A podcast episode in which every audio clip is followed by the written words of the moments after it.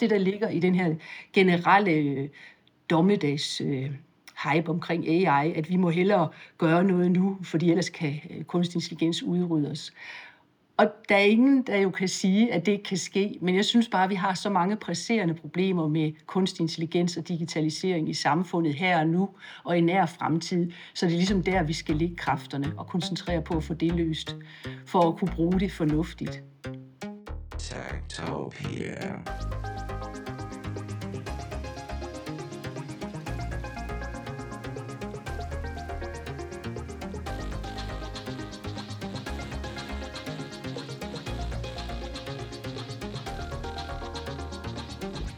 Tektopia er en ugen podcast om mennesker og deres teknologi, udgivet af Ingeniørforeningen IDA i samarbejde med Teknologiens Mediehus, støttet af .dk, IDA Forsikring og Messecenter Herning. Mit navn er Henrik Føns, og det er mig, der bestemmer i Tektopia. Tektopia.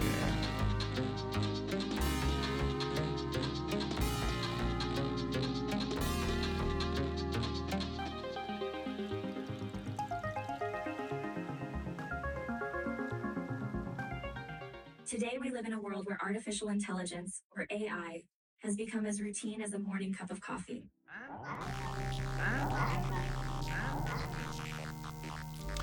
Vi skal fokusere på de nære problemstillinger omkring AI og ikke på far-future problemer, der mere minder om science fiction scenarier.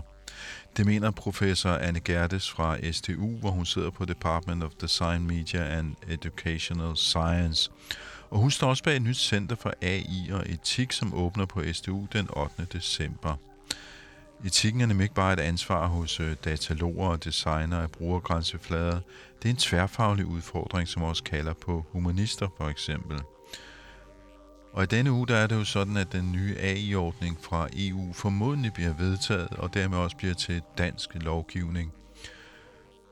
Samtidig så har vi jo lige oplevet, hvordan OpenAI, der måske er det mest dominerende og kendte AI-firma i verden lige nu, næsten smeltede ned i sin egen frygt for disse far-future-problemer med kunstig intelligens, som bliver mere intelligent end os mennesker. Måske. Derfor så var det meget nærliggende at øh, ringe til Anne Gertes og få hende til at fortælle lidt om, hvad et øh, center for AI og etik egentlig skal beskæftige sig med. Jeg hedder Anne Gertes, og jeg er professor på Syddansk Universitet, hvor jeg forsker i øh, AI Ethics og har gjort det i mange år, og også forsket inden for det, der generelt hedder IT-etik. Øh, så det handler om øh, meget, hvordan vi kan sørge for, at, at kunstig intelligens, altså lave proaktivt tænke værdier ind i, i, i systemer, sådan at vi forsøger at tage højde for de etiske problematikker, der er ved de systemer, vi udvikler. Og man kan jo sige, det er jo noget, der har været diskuteret en del øh, på det seneste, eller det er i hvert fald ramt øh, mainstream medier i form af den ballade, der har været omkring firmaet OpenAI i øh, Kalifornien, øh, som jo er dem, der laver øh, ChatGPT, og, og der har været en del diskussioner om, de måske har haft den her sådan, konflikt, fordi de et eller andet sted er i gang med at øh, skabe det, man kalder for en generel kunstig intelligens, som er sådan en, hvad skal man sige, øh, mere altfagende kunstig intelligens, der måske mener nogen kan være farlig for, for os mennesker. Øh, hvis vi lige skulle runde den lynhurtigt for, for, for ligesom at flyve ind i den her problemstilling, vi skal nemlig også tale om et nyt øh, AI-etikcenter, som du er ved at, øh, at åbne på, øh, på Syddansk Universitet. Øh, men, men hvis vi lige runder den her kunstige, øh, den her generelle kunstige intelligens, som øh, OpenAI siger, de laver, øh, sådan rent øh, AI-etisk? Hvad, hvor, hvor, hvor er du så henne i den der? Hvad, hvad, hvad tænker du? Ja, jamen altså, der tænker jeg jo, der er jo ingen, der ved, om vi på et tidspunkt får en kunstig intelligens, der er lige så intelligent som os, eller superintelligent. Øhm, og, og så er bekymringen jo sådan lidt dommedagsagtigt, at så vil den intelligens sikkert udrydde os. Øh, Stuart Russell, som ikke lige specifikt har noget med OpenAI at gøre, men, men også sådan en estimeret forsker i datalogi og har været det i mange år, han har jo, øh, han har jo sagt, at øh, han har sådan et argument, hvor han siger, gorilla-problemet, altså ja, vi øh, opstod ligesom ud af, af evolution fra, fra, fra, fra gorillaen, eller fra aberne, og, og se nu, nu er vi sådan en overlegen art, og se nu, nu er de udryddelsestruede. Og det samme kan ske med os, øh, og vi bør forberede os nu, ligesom vi ville forberede os, hvis vi fik at vide, at der var en lille sandsynlighed for, at øh, der vil komme øh, folk, aliens ud fra rummet, så vil, om 50 år, så vil vi også forberede os på det. Så han mener jo ligesom, at vi skal begynde at tegne en livsforsikring nu, og det er også det, der ligger i den her generelle øh, dommedags øh, hype omkring AI, at vi må hellere gøre noget nu, fordi ellers kan øh, kunstig intelligens udryddes. Og der er ingen, der jo kan sige, at det ikke kan ske, men jeg synes bare, at vi har så mange presserende problemer med kunstig intelligens og digitalisering i samfundet her og nu og i nær fremtid, så det er ligesom der, vi skal lægge kræfterne og koncentrere på at få det løst, for at kunne bruge det fornuftigt. Øh, ja, fordi den der diskussion, som, som åbenbart øh, pågår der i Silicon Valley, er jo sådan en, det, man, det de derovre kalder for en far future discussion. Altså den ligger sådan et eller andet sted ude i fremtiden. Der er nogen, der tror, den ligger ret tæt på øh, dem, som beskæftiger sig med det, og kan næsten få sådan en religiøs dommedagsklang af science fiction en gang imellem. Og så er der dem, som siger, at altså, det er måske et problem, vi skal beskæftige os med om 20 år. Ja. Øh, så lad os her og nu koncentrere os om det, der er tæt på, altså fordi det er også øh, den her uge, øh, det er den her uge, du åbner dit center, men det er også den her uge, hvor formodentlig, det ved vi nemlig ikke lige helt præcis nu, hvor vi optager den her, men det er den uge, hvor EU's øh, AI-forordning, altså den første, hvad skal man sige, deciderede kunstig intelligenslovgivning i verden, den øh, bliver vedtaget og skal implementeres også i dansk lovgivning. Så øh, Anne, hvad er det for nogle øh, hvad er det for nogle problemstillinger, du ser omkring øh, etik og kunstig intelligens, sådan lige på den korte bane? Jamen på den korte bane, der, der er de problemstillinger og den ambition, jeg har med centret, det er, det er de, de problemstillinger, der handler om, hvordan man øh, proaktivt adresserer øh, etik i forbindelse med kunstig intelligens. Øh, og der tror jeg jo, at mange mennesker allerede nu har en forståelse for og har hørt, at der kan være bias i systemer. Man kan have haft billedet, øh, trænings, øh, billeddatasæt, hvor der har været for mange hvide mænd, og så kan, er systemerne bedst til at ansigtsgenkende hvide mænd, og meget dårlige til at ansigtsgenkende farvede kvinder. Det er sådan nogle problemstillinger, vi, vi alle har hørt om.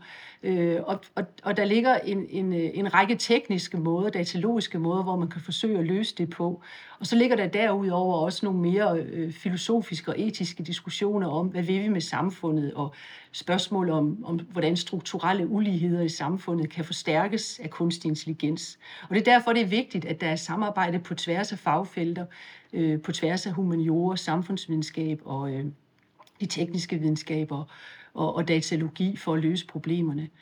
Øh, og der har vi nok i mange år været gode til øh, at tale fra, fra hver vores ståsted, men mindre gode til egentlig at forstå hinanden og hvordan man løser problemer. Så jeg kan for eksempel sige, at inden for humaniora har man nogle gange taget nogle problemstillinger op omkring privathed, som så faktisk datalogisk set havde en løsning. Så, så jeg tror, at vi fremover bliver nødt til at blive meget bedre til at arbejde sammen tværfagligt om at løse problemerne. Og når du siger tværfaglig, altså hvad er det for nogle fagligheder, du så tænker på? Det, det er andet end dataloger, kan jeg så forstå? Ja, det er både dataloger, samfundsvidenskaber og, og selvfølgelig de tekniske videnskaber, som også hører til datalogien og, og humaniora. Så, så det, vil være, det vil jeg forsøge at lave. Det, centret bliver bottom-up, men jeg vil forsøge, om vi kan lave nogle samarbejdssnitflader, øh, hvor vi fremmer tværfaglig forskning inden for området. Og hvis jeg skal forstå det korrekt, så hænger det sammen med blandt andet øh, de data, man bruger til at træne kunstig intelligens på, og kvaliteten af de data, eller, eller hvad? Jamen det hænger jo...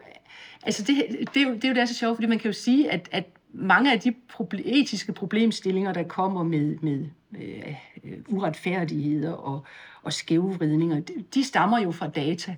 Øh, og der findes jo allerede nu mange gode øh, redskaber, datalogiske redskaber til at kuratere datasæt, så man kan gøre rede for, hvordan man har fundet dem, og hvordan man øh, har, har forsøgt at undgå, at de er biased, og, og hvordan man har sikret sig, at de, de repræsenterer det, som de nu skal repræsentere, for med de data at kan bygge nogle gode modeller, som, som giver mening. Øh, men, men udover det, så ligger der jo også noget, når man skal ud og, og samle data ind, har man jo ikke nødvendigvis domænekendskab til, til det område, man kigger på.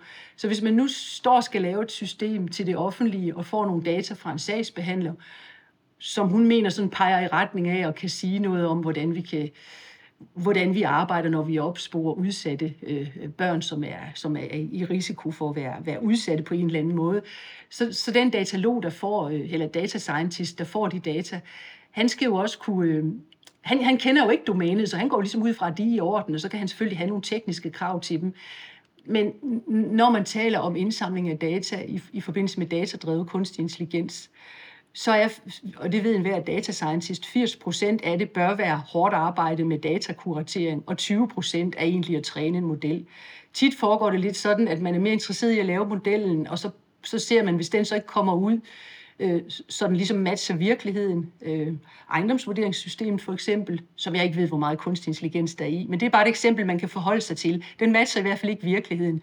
Så vil man øh, rotere og tvike lidt på sin model for at få den til at matche virkeligheden.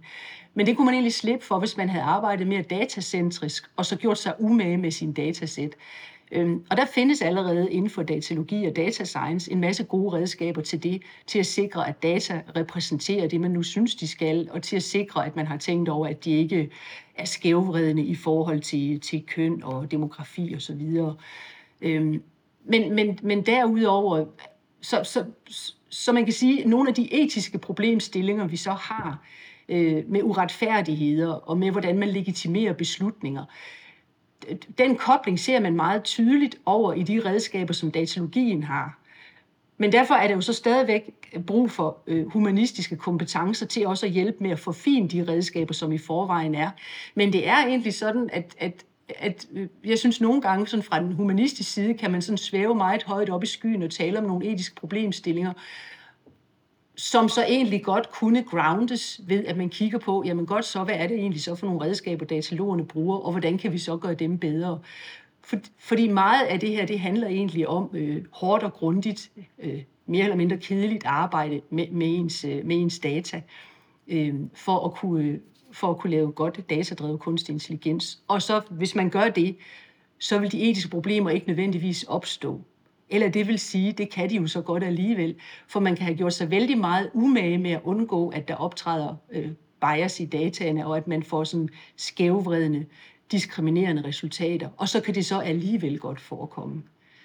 Øhm, så, så det er sådan den ene side af det. Og den anden side af det er sådan, sige, hvor meget har vi så brug for at være tværfaglige? For det lyder til, at mange af de her redskaber og teknikker, de findes i forvejen inden for data science og inden for datalogi. Øh, og det gør de også, men vi har også brug for øh, at bringe andre ting i spil, fordi det handler også om mennesker. Øh, og det er jo så et spørgsmål om, hvad vil vi med teknologien? Hvad vil vi med kunstig intelligens? Øh, og, ikke, og der går etik også over og bliver mere et spørgsmål om, om, at det her det handler jo også om interesser, det handler også om magt. Altså jeg forsker i AI-etik, øh, og man siger, meget af mit arbejde, det består jo egentlig i øh, at være med til at gøre rent og rydde op efter tech-giganterne. Fordi der har man jo haft en, øh, der har man jo haft sådan en, en forretningsfilosofi, der først var sådan disruption. Alle gik rundt og sagde disruption, ikke? Altså Facebook disrupted kommunikation. Det blev aldrig det samme mere efter Facebook. Øhm, og så på et tidspunkt, så begyndte folk jo at se, at der var problemstillinger, etiske problemstillinger med privathed og øh, profilering af folk, så man sender øh, reklamer til bestemte grupper, og man Cambridge Analytica-skandalen har jo også været, jamen, kan man profilere folk, så deres politiske holdninger påvirkes? Og hvor præcist og hvor meget man egentlig kan det, det er måske også et spørgsmål, hvor stærke er de redskaber i virkeligheden. Så opdager øh, folk jo generelt, at der er nogle etiske problemstillinger i spil her, og, og, og, og sætter hælene i. Øh, og så kommer tech-giganterne, så går de jo lidt fra sådan fra, fra, hvad skal man sige, fra daring, altså fra at ture og være risikovillige, til ligesom at lave deres forretningsmodel lidt om, og så bliver det sådan mere, øh, jamen nu skal vi også have tænkt etik ind, altså from daring to caring, altså nu skal vi have omsorg for nogen, for de ligesom bliver i butikken. Men der kan man sige, at deres, deres etiske interesse er jo forretningsdrevet og profitdrevet. Øh, så, så lige pludselig er vi jo alle sammen inden for det her felt spændt lidt for en vogn, hvor når vi taler af i etik, så bliver det jo meget tit, fordi vi skal have ryddet op i alle de problemstillinger, som en bestemt branche nu har skabt. Så bliver det lidt sværere at få sig løftet op i helikopteren og sige, jamen, hvad er det så for nogle problemstillinger, vi også skal beskæftige os med? Øh, og der tænker jeg sådan, at, at, at, at der er jo også problemer i forhold til øh, øh, interesser og, og magt, øh, politiske spørgsmål. Altså, taler meget om, at øh, vi skal involveres i teknologiudvikling, og, og borgeren skal med, co-design osv. Men, men der er jo nogen, vi aldrig hører fra. i debatten om, hvor vil vi hen med kunstig intelligens, øh, hvor vil vi hen med digitalisering. Og dem vi aldrig hører fra, det er jo så samtidig dem, som nærmest helt sikkert risikerer at blive dem, der bliver mest udsatte, hvis ting går skævt med, med løsningerne. Ikke? Det er de udsatte grupper, som vi ikke hører fra.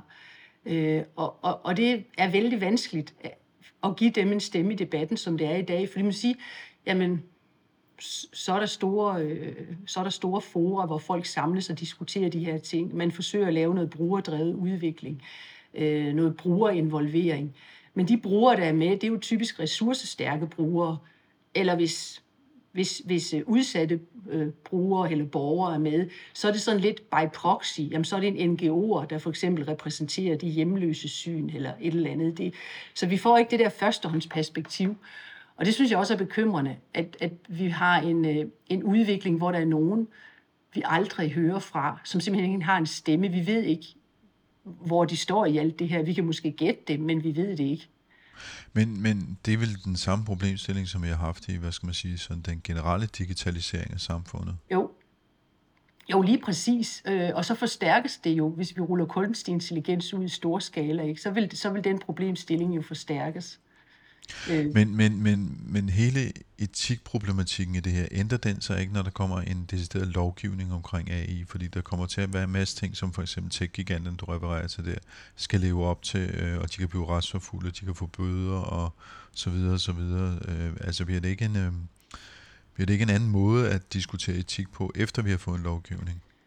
Jo, men, men, men det, det er rigtigt, at, øh, at når vi får AI-forordningen, ligesom da vi fik uh, databeskyttelsesforordningen, GDPR, jamen så kan man jo se, øh, at fordi AI-etik er, kan jo også være sådan en soft-regulering, ikke? og det, det er nogle gange lidt svært at få til at virke. Det virker først, når vi får de store bøder i spil. Og der er det klart, der baner AI-forordningen jo vejen for, at, at folk vil begynde at tænke, jamen vi skal lave ethics by design, proaktivt tænke, uh, etik ind i vores teknologier, og der vil komme en masse standarder for det, der vil komme en masse arbejdsredskaber og metoder, men derfor så bliver det ikke omsonst, og det er jo også stadigvæk sådan, at juraen halter bagefter etikken, eller halter bagefter teknologien, så der vil jo stadigvæk opstå problemstillinger, som vi ikke kan løse, øh, heller ikke har tænkt ind i øh, AI-forordningen. Altså det, det er lidt det samme med, med GDPR. GDPR var seks år undervejs. Det er egentlig ikke så særlig længe, men der skete rigtig meget i de seks år, især på området som der talte vi jo sådan big data, selvom det var mere relevant at sige big data analytics, så sagde vi big data. Og der skete rigtig meget inden for det område, sådan at da forordningen kom, var den på nogle punkter øh, måske næsten allerede forældet. Der var i hvert fald ting, den ikke adresserede, som den måske skulle have adresseret. Så man vidste egentlig godt, at vi bliver nødt til at lave noget nyt også. Og, og det nye, der så er kommet, det er blandt andet AI-forordningen. Så er der kommet en række andre ting, direktiver om ansvar. Øh, så, så der, der, vil helt, der, der kommer hele tiden noget, i, men det tager jo lidt tid, og der vil stadigvæk være nogle etiske tematikker, som kan opstå og ikke er reguleret. Og der kan man sige, regulering er rigtig godt, fordi så bliver det dyrt og så retter folk ind. Og så øh, AI-etik er måske det, mere det, man kan kalde soft eller blød regulering. Men det har også sin berettigelse for at flytte dagsordner, selvom det ikke er sikkert, at folk retter ind efter det. Og så vil der jo også stadigvæk være, være meget brug for at få udforsket, hvordan bliver vi bedre til de her ting. Øh, fordi jeg kan godt være bekymret for, at, at, at mange af de redskaber og frameworks, der er til sådan AI Ethics by Design, Value Sensitive Design, og hvad har vi, øh, at de måske også er lidt hyped, sådan at når de skal stå deres prøve, eller deres, ja, deres prøve i praksis, så er det ikke sikkert, at de kan indfri forventningerne. Øh, jeg lavede med en kollega, Tove Faber Fransen, øh, et øh, litteraturstudie øh, her i 23, hvor jeg kiggede på øh, e, en af de sådan større metoder, value sensitive design, som sådan har fra 96 og frem til 23, kiggede vi på artikler. Øh, og der, der kiggede vi, det er sådan en metode til sådan proaktivt at tænke værdier ind i teknologier. Og vi kiggede udelukkende på artikler, hvor de, hvor de havde brugt hele metoden, altså og, og virkelig fokuseret på at lave tekniske øh, implementeringer. Og fra 6 ud af 4, der var 54 studier. Øh, det er så heller ikke så mange, der har forpligtet sig til at gå all in. Øh, og ud af de øh, 54 studier, der var det faktisk kun 6 studier fra 96, 1996 til 2023, øh, der var det kun 6 studier, der reelt havde implementeret noget teknologi. Øh, og af de studier, der var der et, hvor det var sådan, tre af studierne, det var om det samme system, og, og der var to studier også om et, om et system, hvor de byggede videre på det, og så et unikt. Altså det er bare for at sige, der, der var så egentlig meget få, der havde gået sådan all in på at lave ethics by design øh, i, i systemudvikling. Øh, og det kan godt bekymre, og det kan det jo, fordi nu ser vi jo alle vegne, at man ligesom siger, det er det, vi skal sætte vores lid til. Der, vil, der, der er nogle metoder, de kommer til at virke, det kommer til at køre rigtig godt. Øh, og det er jeg ikke sikker på, at det gør. Altså WHO har udgivet sådan en, en guideline til øh, øh, øh, governance og ethics i, øh, i, øh, i sundhedsvæsenet, hvor de gennemgår problemstillinger, og så siger de, men heldigvis, så har vi også øh, sådan nogle pionermetoder øh, inden for værdibaseret design. Og det er så de metoder, som jeg ikke har set, har leveret, mange af dem har ikke leveret på, på, på, på den dagsorden, altså det, det de skal ikke. Så de leverer ikke ligesom varen, når det kommer til stykket. De leverer mere sådan nogle designforslag og nogle prototyper osv. osv. Og så har vi så i den anden, hvis vi, hvis vi fortsætter i metoder, så har vi så i den anden data science, datalogi, øh, også inden for når man udvikler øh, AI til sundhedsvæsenet og mange andre domæner, så har vi sådan den mere tekniske dokumentation, afrapportering af datakuratering, som også, som også godt kunne have gavn af at have et blødere perspektiv indover, hvis man kan sige det sådan. Så, så, så jeg synes stadigvæk, der vil, være, der vil være rigtig meget brug for både at forholde sig til de etiske problemstillinger, der opstår i kølvandet på ny teknologi. Altså AI-forordningen blev også forsinket på grund af ChatGPT. Øh, og der vil så også være brug for at forholde sig til de metoder, som vi så skal øh, udvikle øh, kunstig intelligens etisk ansvarlig ud fra. Ja, fordi bare for et år siden, der, øh, der så landskabet vel anderledes ud, fordi der havde ja. vi ikke ChatGPT, eller den, jeg tror faktisk, den er et års fødselsdag den her uge, måske faktisk i dag, tror jeg, ja, hvor vi ja. sidder og optager lige nu. Øhm, så, så, så på den måde, så, altså, den her etik skal vel være sådan, den skal være sådan meget, hvad skal man sige, kunne omfavne mange forskellige typer øh, teknologier, også fordi de bevæger sig så hurtigt og forandrer sig så hurtigt. Ikke? Ja, Ja, altså man kan sige, lovgivningen skal kunne gøre det, ikke? Og, og hvad man sige, etikken kan jo altid gå ind og prikke til og, og belyse etiske problemstillinger. Og det er klart, de, de er jo også foranderlige. Øh, men, men, men, men stadigvæk ikke vel, fordi øh, ChatGPT, det handler jo også omkring ansvar, det handler omkring tillid til systemerne, det handler, det handler om transparens, hvordan fungerer det, det handler om privathed, det handler egentlig om de samme etiske problemstillinger, men lovgivningsmæssigt bliver det så lidt vanskeligere. For man havde jo, altså AI-forordningen er jo bygget på en risikomatrice, hvor man siger, hvor man jo faktisk prøver at sige, vi vil ikke øh, regulere teknologierne som sådan, fordi det giver ikke mening, men vi vil regulere brugssituationerne.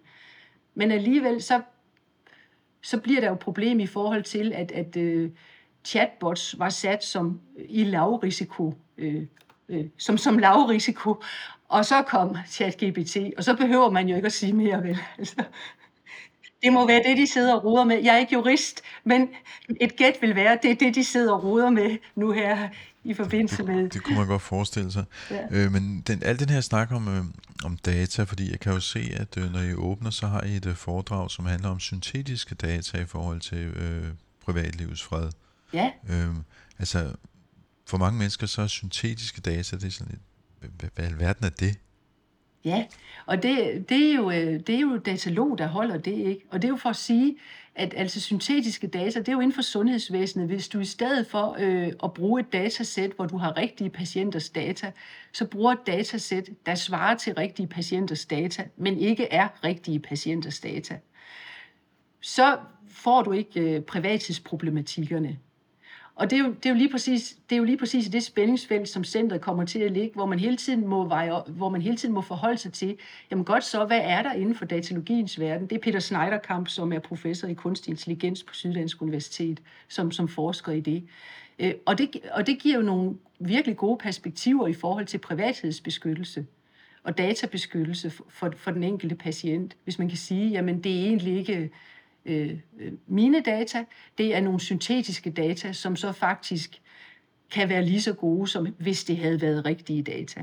Ja, jeg hørte et foredrag med en øh, amerikansk øh, forfatter og journalist, Meredith Broussard, her øh, øh, tidligere på ugen, som har skrevet en bog, der hedder Modern Glitch, øh, som handler netop om, om, om, om etik i kunstig intelligens og, og data. Og hun snakkede om det, hun sagde, hun kaldte for ubevidst bias. Altså man kommer til at, øh, hvad skal man sige, putte ting ind i systemet, som man faktisk ikke er opmærksom på.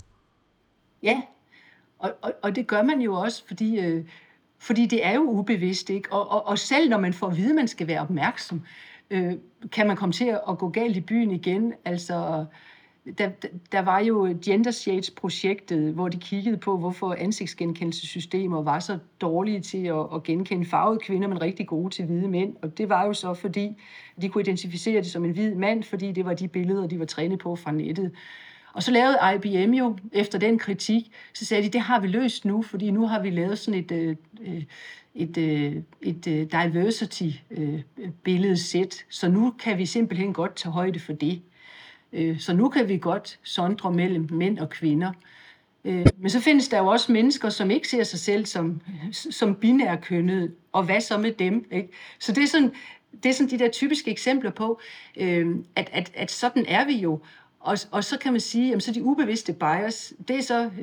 Det har man så haft en tendens til at sige, jamen så er det så den enkelte designer, systemudvikleren, så er det hans skyld. Det skulle han have set. Men det er jo også et strukturelt problem. Ikke? Altså, det er jo ikke, fordi den enkelte har skylden for det her, for det er jo sådan set også et, et samfundsmæssigt strukturelt problem, der så bliver forstærket i de her systemer. Ikke? Man sorterer i grupper, ikke? og der har jo også været nogle af de datasæt, der bliver brugt. Øh, klassifikationen af dem har jo foregået ved, at folk har siddet på Mechanical Turk, som er sådan et crowdsourcing sted, hvor du så bliver bedt om at sidde og mappe nogle billeder op og give dem nogle kategorier. Altså, er det en kvinde, er det en mand, er det et barn, osv. osv. Og der kan man jo se nogle af de kategoriseringssystemer, der har været lagt ned der. Det er jo Crawford, øh, der peger på det i, i en bog, der hedder The Atlas of AI at, at det er jo nogle forfærdelige kategorisystemer, der er udviklet der. Ikke? Folk er jo blevet labelt som, øh, hun, ser, hun ser ud som en tjuskedorte, eller, og det der er værre. Ikke? Øh, og så har de så forsøgt at rydde lidt op i de værste kategorier, men stadigvæk øh, kan der være nogle problemstillinger i, hvordan man sorterer, hvordan man sorterer øh, folk i kasser. Øh, og hvis man så bruger... Øh, øh, systemer, hvor, de faktisk, hvor man ikke træner data, men siger, det, det har man ikke haft tid til, eller man vil bare have systemet til at finde mønstre i nogle eksisterende data, sådan mere usuperviseret, så, øh, så kan systemet øh, måske godt gøre det, og så kan det jo også ud af det komme frem, jamen de data, den så kiggede på, de var så også skævvredende. Altså vi havde, vi havde, der var nogle kategorier i dem, der var, der var skævvredende. Jeg tror, det var Google, der, der kastede, øh, der, der sådan kastede noget usuperviseret klassifikation efter nogle ansøgninger for deres ansøgninger for at finde ud af og, og, og sådan lave nogle, øh, et system, der kunne screene jobansøgninger øh, og, og pille de bedste ud. Og så opdagede de desværre, at det pillede faktisk kun mænd ud til jobsamtaler.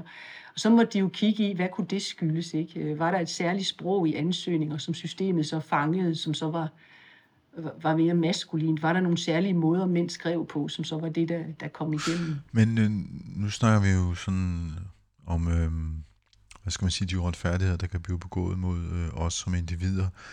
Øh, jeg kan se på talerlisten, der er også øh, cancerforskning, så jeg tænker kunstig intelligens i sundhedsvæsenet for eksempel, øh, hvor man øh, analyserer DNA, eller hvad det nu måtte være, man analyserer. Hvad er der etiske udfordringer der, som I godt vil kigge på? Jamen, der er jo også en række etiske udfordringer, og en af de helt store, det er i forhold til forklarlig kunstig intelligens. For der kan man sige, at ideelt set, altså, så skal man jo kunne legitimere en beslutning, og, og lægen skal forklare, hvordan systemet kommer frem til en beslutning. Øhm, og, og der, det er sådan mere nuanceret end som så, fordi der kan være øh, de metoder, der er i dag til forklarlig kunstig intelligens, øh, de forklarer ikke sådan en til en systemets virkningsmekanisme. de forklarer måske mere på sådan et interface-måde, øh, hvad har den kigget på ved hjælp af et heatmap, så man kan se, at det lyser op her, det er lungebetændelse på det røntgenbillede, øh, for, og så lyser systemet øh, billedet. Øh, kunstig intelligens markerer meget tydeligt, det her det er så lungebetændelse. Øh, men den har jo ikke fundet frem til, at det er lungebetændelse på samme måde som dig og mig, og du kan ikke gennemskue, hvordan den har fundet frem til det. Øh, og så kan man så sige, skal du så lade være at bruge det, hvis du ikke kan få sådan en, en, en en-til-en forklaring, eller en fuld forklaring, altså fuld explainability. Øhm, og det kan man sige, det skal du jo nok ikke, fordi inden for sundhedsvæsenet, der er der faktisk i forvejen mange medicinske diagnostiske beslutninger, som også er black boxes. Altså vi ved ikke, hvordan aspirin virker, vi ved, at den virker. Og der har været kørt, fordi der har været kørt en masse kliniske test gennem meget lang tid, ikke? så det er sådan empirisk valideret. Øhm, og der kan man også godt tale for, at der kan være situationer, hvor selvom det altid vil være bedst, hvis der var fuld forklarlighed, jamen, så vil der også være situationer, hvor man kan bruge meget grundigt testede systemer, hvis, øh, øh, selvom vi ikke nødvendigvis helt ved, hvordan de virker. Men vi ved, at de performer godt. Men det er, så, det er jo sådan nogle meget spændende problemstillinger, der ligger. Øh, men så ligger der jo også en, en, en masse andre omkring ansvar. Øh, det er også relateret til det her problemstilling. Øh, og så ligger der også en, en række problemer i forhold til, øh, ja, sådan helt basalt, at man tænker, at kunstig intelligens vil aflaste sundhedsvæsenet.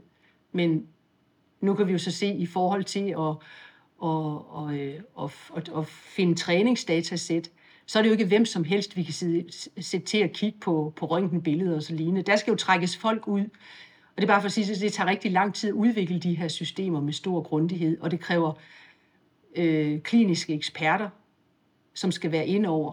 Øh, og når det så kører, så kræver det jo også, at, at der er menneskelig øh, overvågning af systemerne. Altså, det kan godt være, at et system øh, kan træffe en beslutning om, at du har ikke slidgigt øh, på det her røntgenbillede, så vi kan sende dig til en MR-scanning. Men de billeder, den har brugt til at træffe beslutningerne, de bliver alligevel i ugerne efter set efter af mennesker. Også for ligesom at, at garantere, at der har været mennesker inde over. Ikke? Så, så der, er mange, øh, der er mange spændende ting i snitfladen mellem både at have tillid til systemer inden for sundhedsvæsenet, ansvar, øh, og hvad sker der, når man øh, øh, allokerer opgaver til systemer? Jamen, så er der også en risiko for øh, automation bias, altså læger, de arbejder under pres, og hvis man er træt, så kan man måske overse nogle symptomer, fordi systemet som beslutningsinput øh, siger, at, øh, at altså, siger noget forkert, og det opdager man ikke, fordi man regner med, at man kan stole på systemet, for det plejer man. Så, så der er mange, der er utrolig mange problemstillinger i spil. Ja, og det vil også den gamle snak om, at det handler om beslutningsstøtte frem for, at øh, det er maskinen, der skal stille diagnosen, ja. ikke?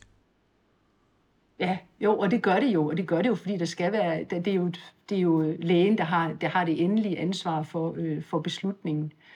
Øh, der er også et spørgsmål om, om, om de-skilling, altså aflæring af kompetencer. Altså radiologer skal se på et vist antal trivielle billeder øh, øh, øh, årligt for at vedligeholde kompetencer, ikke? Altså for at vedligeholde ekspertisen. Øh, hvis det hele outsources til, til algoritmer, jamen så gør de ikke det mere. Hvad gør man så? Hvordan sikrer man så det, øh, at der vedligeholdes de kompetencer? Når I nu laver sådan et, øh, et center her for øh, AI Ethics, øh, hvordan kommer jeg som borger som, til at møde den forskning og, og de ting, I, I beskæftiger jer med? Altså, hvordan kommer det til at påvirke mig og mit forhold til kunstig intelligens? Fordi, jeg mener, det kommer jo sikkert formodentlig til at brage ind på min telefon, som ligger her, ikke? Altså, den bliver jo propfuld af kunstig intelligens. Så det bliver jo noget, vi alle sammen får meget tæt på, øh, på vores dagligdag. Ja, altså, for Centers vedkommende, der vil vi jo lave sådan nogle øh, offentlige events, hvor folk øh, kan komme og høre om det, ikke? Øh, og også invitere erhvervslivet ind til samtale om, hvor vi skal hen og hvordan vi skal udnyttes, udnytte kunstig intelligens. Fordi det er jo også ret vigtigt at få sagt, at det er jo ikke sådan et øh, teknologistormer-projekt. Øh, det er jo netop øh, et spørgsmål om, at, at, at vi skal bruge øh, at vi skal, vi skal bruge de potentialer, der er i kunstig intelligens, men vi skal gøre det etisk forsvarligt. Øh, Øh, og det at gøre det etisk forsvarligt bliver så koblet med egentlig noget meget lavpraktisk, at ja, det skal vi, og det kommer lige præcis til at kræve hårdt arbejde. Så det er sådan meget det, der også er budskabet. Hvis du skal bruge kunstig intelligens, intelligens, så kræver det hårdt arbejde. Og ellers kommer de etiske problemstillinger, så står de i kø ikke? Og, i øvrigt også andre problemstillinger. Today we live in a world where artificial intelligence, or AI, has become as routine as a morning cup of coffee.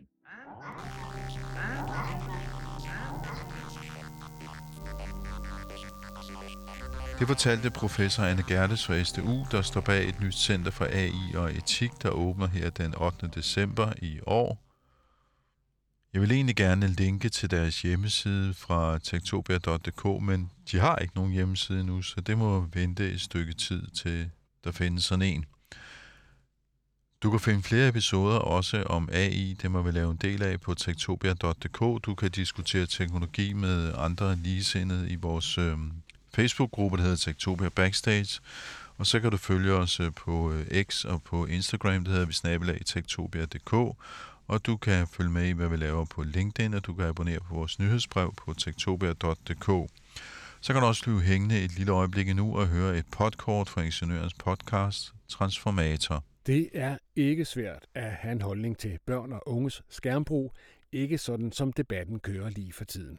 Men hvad nu, hvis man spørger en tidligere spionchef, som alle vist kender, hvad han tænker om unges omgang med al den data, som skærmforbruget genererer?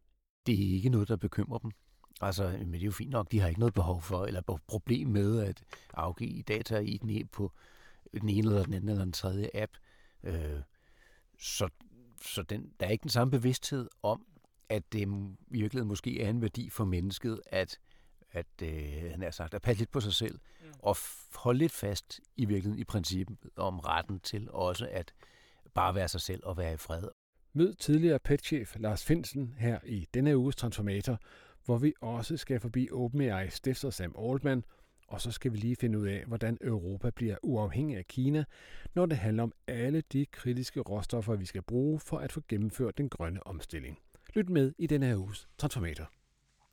Ja, du har lyttet til Tektopia, der udkommer en gang om ugen. Mit navn er Henrik Føns, og jeg får hjælp til at lave Tektopia fra Mikkel Berggren på genhør i næste uge. Tektopia.